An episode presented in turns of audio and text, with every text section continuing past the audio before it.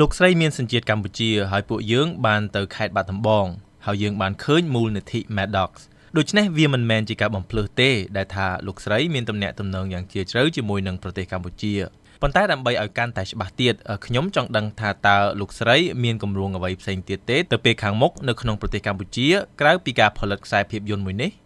Well, I will continue to do the work I've been doing for about 12 years now up in uh, Samlot in the Samlot area. ខ្ញុំនឹងបន្តការងារដែលខ្ញុំបានធ្វើអស់រយៈពេលជាង12ឆ្នាំមកនេះនៅតំបន់ស្រុកសំឡូតខេត្តបាត់ដំបង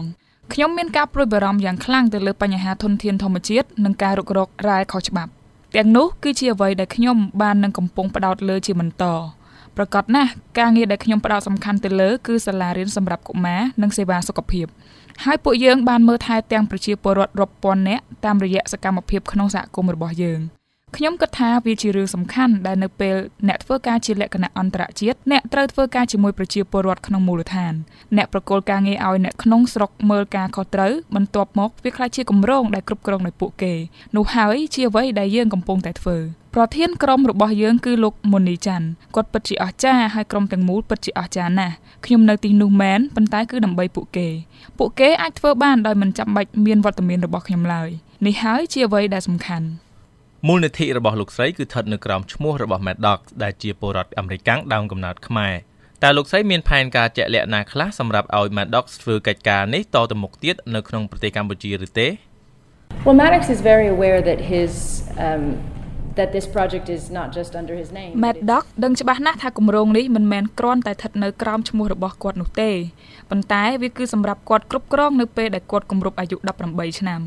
ដូច្នេះគាត់នឹងទទួលខុសត្រូវទៅលើគម្រោងនោះហើយការងារទាំងអស់ដែលពាក់ព័ន្ធនឹងមូលនិធិនេះនៅពេលដែលគាត់អាយុ18ឆ្នាំខ្ញុំជឿទៅលើការមិនជំរុញកូនរបស់អ្នកឲ្យត្រូវស្រឡាញ់ប្រទេសណាមួយដោយសារគ្រាន់តែគេមានកំណត់ពីប្រទេសនោះទេ ពីព្រោះថាការជំរុញបែបនេះវានឹងមិនបានផលអ្វីនោះទេ អ្នកគ្រាន់តែត្រូវណែនាំគាត់ឲ្យស្គាល់អំពីប្រទេសនេះធ្វើឲ្យគាត់មានអារម្មណ៍ស្និទ្ធស្នាលនិងមានមិត្តភ័ក្តិជាច្រើននៅក្នុងប្រទេសនោះ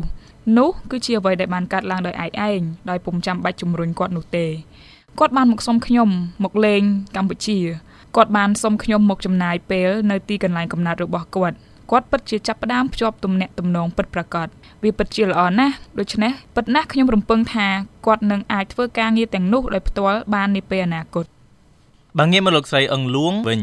ក្នុងនាមជាអ្នកនិពន្ធខ្មែរអាមេរិកាំងវាមិនមែនជារឿងធម្មតាទេដែលអាចក្លាយទៅជាអ្នកនិពន្ធសម្រាប់ភាពយន្ត Hollywood នោះហើយក៏មិនមានមនុស្សច្រើនដែរដែលខ្សែភាពយន្តរបស់ពួកគេត្រូវបានដាក់បញ្ចាំងនៅលើ Netflix តើលោកស្រីមានអារម្មណ៍យ៉ាងណាហើយលោកស្រីមានគម្រោងអ្វីបន្ទាប់ទៅទៀតទេបាទ Well I am writing a novel and it also takes place in Sok Khmer ខ្ញុំកំពុងសរសេររឿងប្រឡោមលោកមួយហើយវាកាត់ឡើងក្នុងស្រុកខ្មែរខ្ញុំបានមកស្រុកខ្មែរតាំងពីឆ្នាំ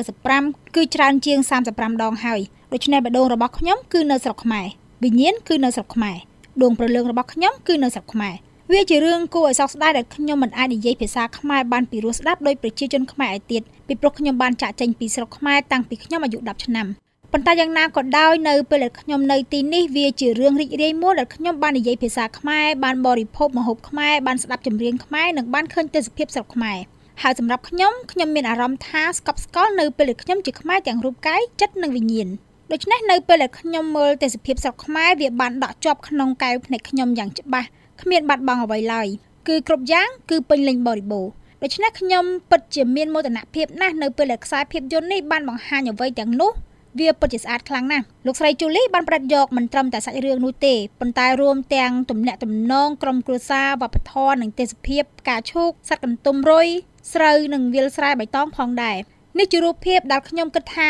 ពិតជាមានសារៈសំខាន់ណាស់ក្នុងការបង្ហាញឲ្យពិភពលោកបានឃើញពីស្រុកខ្មែរព្រោះរបបប្រល័យពូជសាសន៍ខ្មែរក្រហមមានរយៈពេល74ឆ្នាំប៉ុណ្ណោះក្នុងប្រវត្តិសាស្ត្រ2000ឆ្នាំរបស់ខ្មែរ វាជាកិត្តិយសមួយនិងជាការត្រេកអរមួយដែលយើងបានត្រឡប់មកទីនេះមកប្រាសាទអង្គរវត្តដើម្បីសម្ពោធការចាក់បញ្ចាំងភាពយន្តនេះជាលើកដំបូងនៅចំណុចស្នូលនៃអរិយធម៌ខ្មែររបស់យើងទីដែលជាបេះដូងជាដួងព្រលឹងនិងជាមោទនភាពរបស់ជាតិយើងហើយខ្សែភាពយន្តនេះបានចាប់យករូបភាពទាំងនោះ គឺមិនត្រឹមតែសាច់រឿងធំធំប៉ុណ្ណោះទេប៉ុន្តែដោយដែលអ្នកបានដឹងហើយក្នុងនាមជាខ្មែរវាក៏មានរឿងតូចតូចជាច្រើនទៀតដូចជាស្នាមញញឹមរបស់ខ្មែរសម្រស់របស់ខ្មែរការសំពះជំរាបសួររបស់ខ្មែរខ្ញុំពិតជាស្រឡាញ់វាខ្លាំងណាស់អ្នកស្រី NG គឺពិតជាមានភ្នែកមុតនិងលម្អិតណាស់នៅពេលដែលយើងមើលនៅក្នុងខ្សែភាពយន្តហើយយើងជំរាបសួរ